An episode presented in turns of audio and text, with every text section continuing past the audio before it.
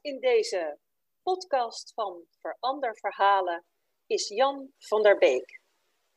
Jan is investeerder in de gezondheidszorg.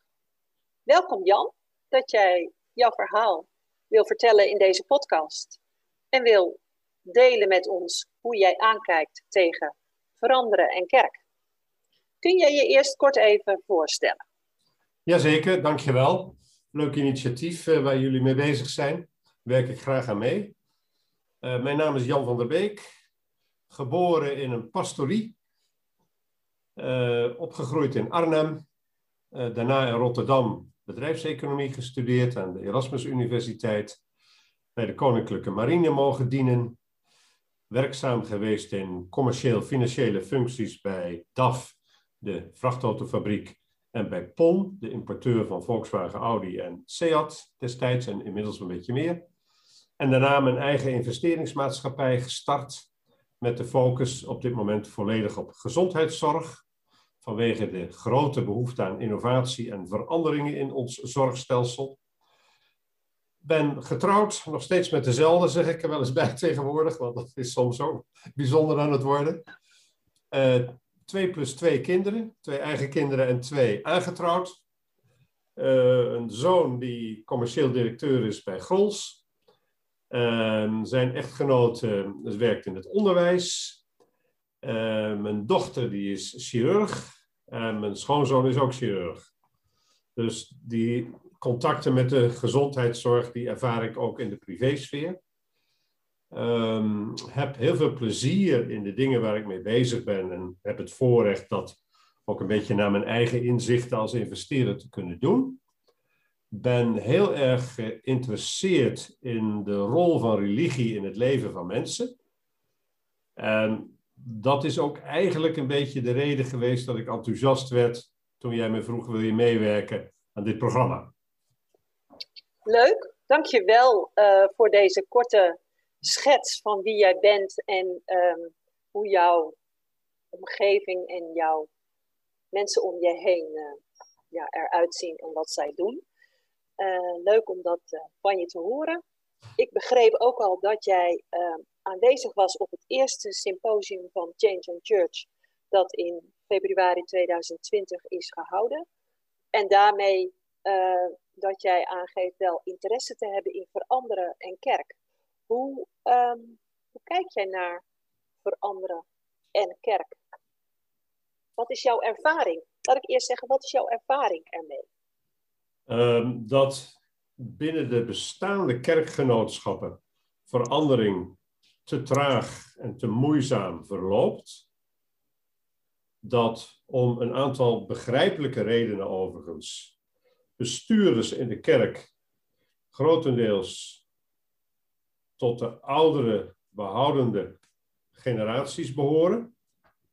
Waarbij ik niet zeg dat ouderdom parallel loopt aan uh, oude opvattingen. Integendeel. Ik was bijvoorbeeld gisteravond te gast bij iemand die al ver in de negentig is en nog de meest moderne ideeën heeft. En boeken publiceert op Apple en alles weet van computers, de modernste smartphone heeft, et cetera. Dat is ook heel leuk. Die bestaan echt. Maar even terug, uh, wat mij treft in, in de kerkelijke uh, organisaties in Nederland, welke kleur en gezinte dan ook, is dat ze allemaal aan het ja, tobben zijn. Hoe moeten wij de toekomst in met onze kerk? Omdat in Nederland is al een aantal jaren sprake van kerkverlating. En dat gaat in een hoog tempo met 100.000 per jaar mensen in Nederland verlaten de kerk. Dus dat bepaalt je automatisch bij de vraag, hoe komt dat dan? Want ik zie wel om me heen, zowel in mijn eigen vrienden- en relatiekring, maar ook als je analyseert en hoort wat er in de samenleving aan de hand is, een enorme behoefte is aan zingeving. Dat de eenzaamheid een chronische ziekte van de 21ste eeuw aan het worden is. En dat we moeite hebben om daarmee om te gaan, Terwijl ik denk dat er juist heel veel mogelijkheden zijn. Niet alleen vanuit de religie, maar ook vanuit de, uh, de techniek, de moderne technologie. Dus dat, dat triggert mij om daar eens in te duiken. En dat was ook de reden dat ik met plezier me inschreef voor, de, voor dat symposium Change and Church. Omdat ja, dat onderwerp boeit mij dus. Ja. Welke persoonlijke ervaring heb jij al met veranderen en kerk, bijvoorbeeld in jouw eigen gemeente? Kun je daar kort iets over zeggen? Jazeker. Um, in 2016 heb ik met twee andere leden van onze gemeente hier in Bennekom, de kleine kerkraad, een A4'tje gestuurd. En daar stond boven paaskaars of nachtkaars. Aha. En die drie woorden werden heel snel begrepen. Maar het heeft vervolgens vier jaar geduurd. En wat wisselingen in de kerkraad. Voordat de kerkraad zei: ja, hier moeten we mee aan de slag. En toen werd mij gevraagd om samen met twee andere mensen de kerkraad te begeleiden bij het maken van hun strategisch plan. Dus niet zoals vaak gebruikelijk in kerken. We benoemen een commissie, die maakt een mooi dik rapport en dat verdwijnt vervolgens in de bureaula. Daar is mijn tijd echt te kostbaar voor en dat gold ook voor de mensen die me daarmee geholpen hebben. Dus zo zijn we aan de slag gegaan en hebben ook eigenlijk continu onze kerkelijke bestuurders erop gewezen. Jullie allerbelangrijkste opdracht is om na te denken over de toekomst van onze kerkgemeente. Dat is de kerk ons waard. En dat blijkt toch een lastig traject te zijn. Uh, helaas is het in veel kerken zo dat als iemand gevraagd wordt iets te doen en iemand steekt zijn vinger op, dan zit hij al in uh, het desbetreffende bestuur of organisatie zonder je af te vragen, is die persoon capabel om die rol te vervullen. En dat vind ik jammer, want de kerk is te belangrijk om te laten leiden door mensen die die capaciteiten niet hebben daarvoor. Liefdewerk oud papier is prachtig, maar er komt wat meer bij kijken. En de kerk is dat ook waard. Dat er competente bestuurders zijn. Die gecontroleerd worden natuurlijk door de ledenvergadering, de kerkelijke gemeenteavonden en noem maar op, natuurlijk. Dat is ook ja, vast gebeiteld in de structuren van de protestantse kerkelijke organisaties in Nederland.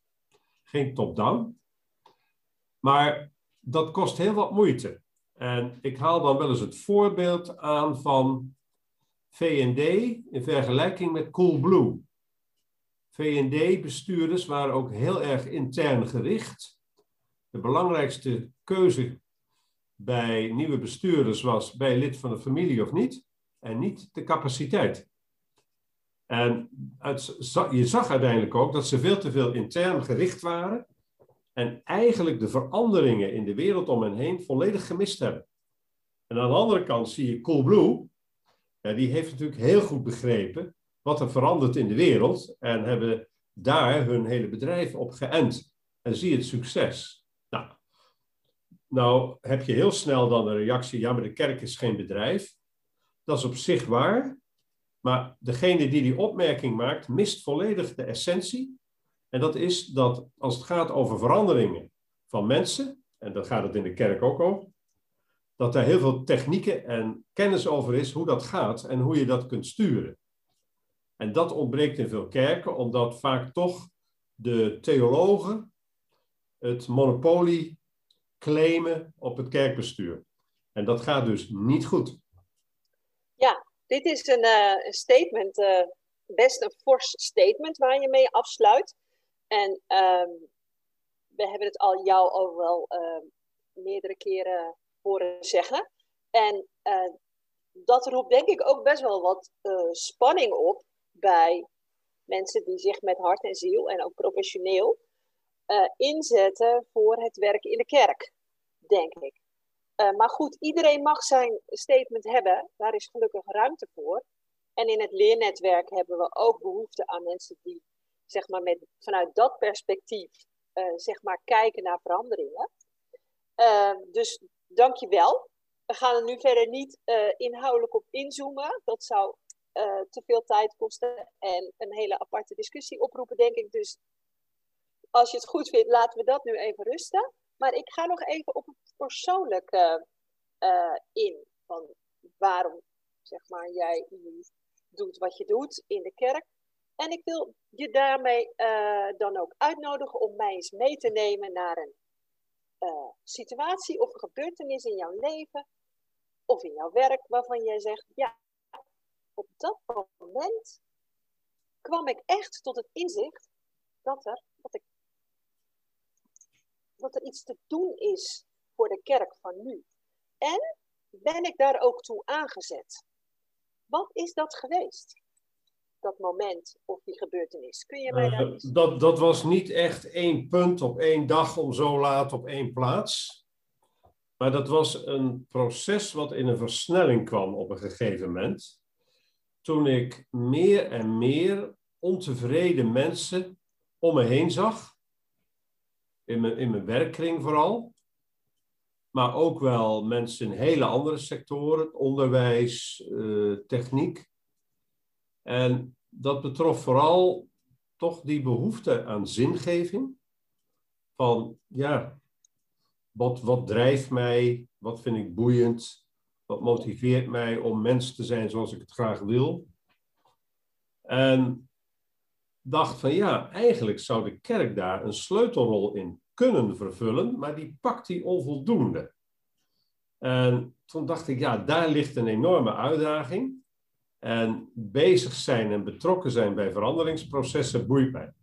Dat doe ik ook in mijn dagelijks werk in de gezondheidszorg. Daar moet ook heel veel veranderen. Ons huidige zorgstelsel komt piepend en krakend tot stilstand, want dat is niet uh, geschikt om het huidige systeem uh, ook door te zetten naar de toekomst. Maar ook daar zie je dat het heel lastig is om die veranderingen uh, te stimuleren en ook te implementeren. En dat er vaak een crisis nodig is om snelle veranderingen ja. door te voeren. Dat zie je nu ook met de corona, hè, waar, waar ja, beslissingen worden genomen waar al jaren over gesproken wordt en die kunnen niet binnen één dag gerealiseerd worden.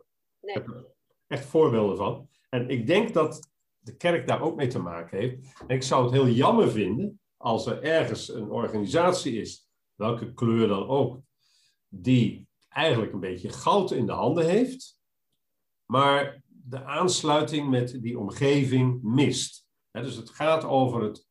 De kern is eigenlijk, en dat was mijn trigger, kan ik iets bijdragen om de capaciteit en de vaardigheid om te veranderen, om aan te passen, te verbeteren.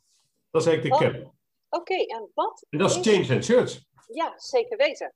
Um, kan je toch nog even teruggaan naar iemand of iets wat jou uh, geholpen heeft om in beweging te komen? Ja, dat eigen. Ja, wat, wat jou zeg maar tot inzicht heeft gebracht, waardoor je in beweging komt. Nou, Ehm, dat waren gesprekken met mensen, zowel binnen als buiten mijn eigen kerkgemeenschap. Uh, gelovig en ongelovig door elkaar. En dan trof mij als je met oudere mensen spreekt, die ja, weten dat hun leven niet meer zo lang zal duren, en die terugblikken, dan ervoer ik een enorme hoeveelheid wijsheden die ik uh, van die persoon meekreeg. Um, relativeringsvermogen, onderscheid wat is echt belangrijk en wat is veel minder belangrijk in het leven. En toen dacht ik, aan de andere kant zag ik mensen, jonge mensen ook, die worstelen met hun zingeving, hun identiteit, et cetera. Ik dacht, nou, als we nou erin slagen om die generaties wat meer met elkaar te verbinden, en dat is bij uitstek ook een uitdaging die in de kerk leeft. Dat, dat zal mij enorme voldoening geven als ik daar een klein steentje aan bij zou mogen dragen. Mooi. Hey, uh, en in het voorgesprekje zeg maar, voor deze podcast hoorde ik jou ook zeggen dat je gesproken hebt met uh, professor, uh, dokter denk ik, Anne van der Meijden, hoogleraar communicatie, communicatie als niet ja. ja, wat, Welk inzicht heeft hij jou gegeven? Um, nou, het, het, aardige was dat uh, professor Van der Meijden zowel uh, hoogleraar was in communicatietechnologie, communicatie- en organisatieleer, maar ook theoloog. Ja. En hij ontdekte natuurlijk bij uitstek uh, dat er heel veel kennis en uh, ervaring op het gebied van communicatie niet gebruikt werd binnen de kerk. Terwijl de behoefte aan die moderne communicatievaardigheid in een kerk heel groot is. En dat vond ik heel erg interessant. En hij wist daar natuurlijk ook ontzettend veel van. En was bovendien een, een, een persoonlijkheid. Een man die iets te melden had. En die ook niet bang was om stevige uitspraken te doen. En ja, daar hou ik wel van. Ja. Die maakt dingen duidelijk. En ja, voor verandering moet je soms ook heel duidelijk zijn. Uh, je hoeft niet je respect voor andere mensen te verliezen. Dat, dat mag zeker niet. Maar alles maar een beetje bedekken van, nou, dat, ah, laat ik dat maar niet zeggen. Daar kom je niet verder mee. Nee. Soms is een onweersbui verhelderend voor de wereld om je heen. Ja, en dan gaat uiteindelijk gewoon, als de regen gevallen is, bloeit en groeit alles weer op. De, en is het lekker fris in de lucht. een beetje op. Ja, Precies. zeker. Een mooi beeld uh, dat je ja. zo schetst.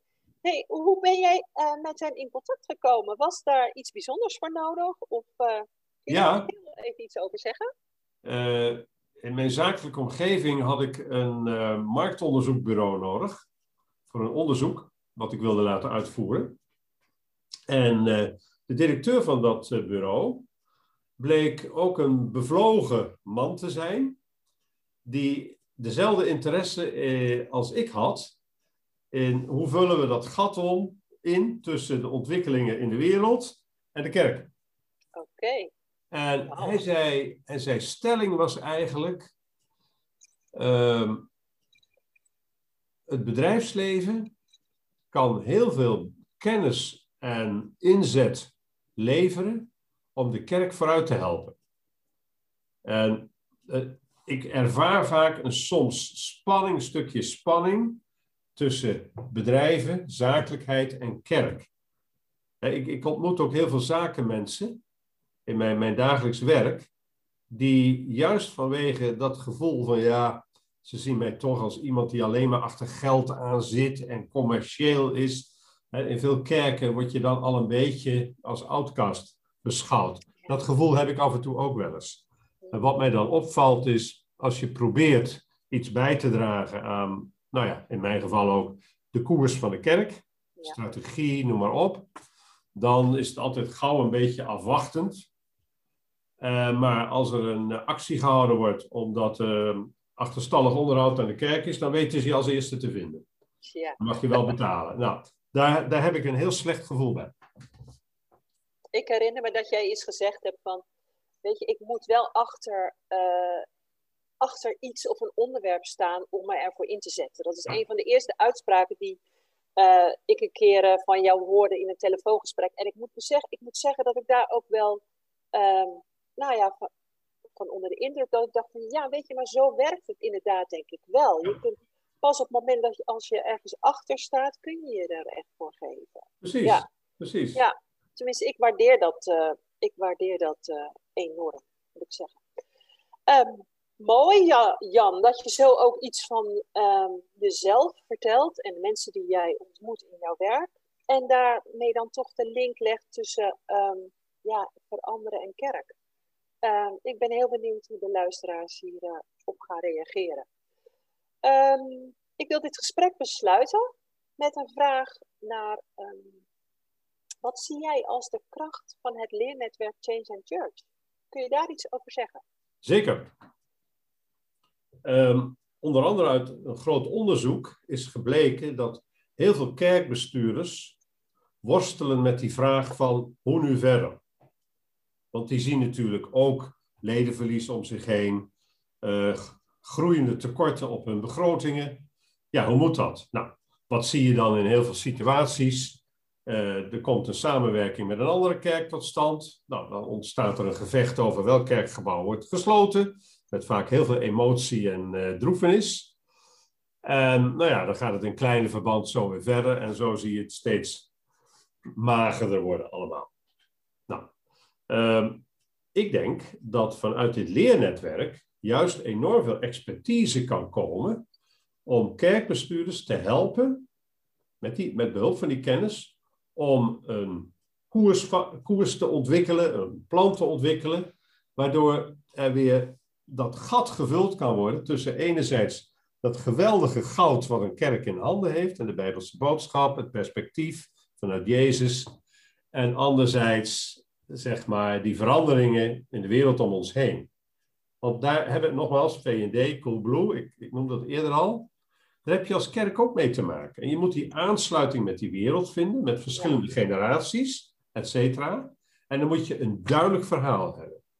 Uh, iedereen mag denken wat hij wil, dat wordt een kleurloos verhaal en is dodelijk. En je ziet dat ook in bedrijfsleven. Bedrijven met een duidelijk verhaal, een duidelijke missie die de omgeving aanspreekt, die zijn succesvol. En waar, we hebben van alles voor u, dat is kleurloos. Het is net als met mensen, kleurloze mensen hebben niks te vertellen. Nou, die uh, houden we erin, zou ik zeggen. En laten we allemaal ons in een uh, mooi fraai gekleurd uh, kleed hullen, zou ik zeggen, in de kerk. Um, Dank je wel um, voor jouw bijdrage aan deze podcast, voor jouw verhaal, voor jouw reflectie. En nogmaals, voor je tijd ook die je wilt investeren in het leernetwerk Change and Church. Dank. Met, plezier. Hopelijk, hopelijk, zien of spreken we jou nog tijdens een van de leersessies of het symposium. Oké, okay, dankjewel.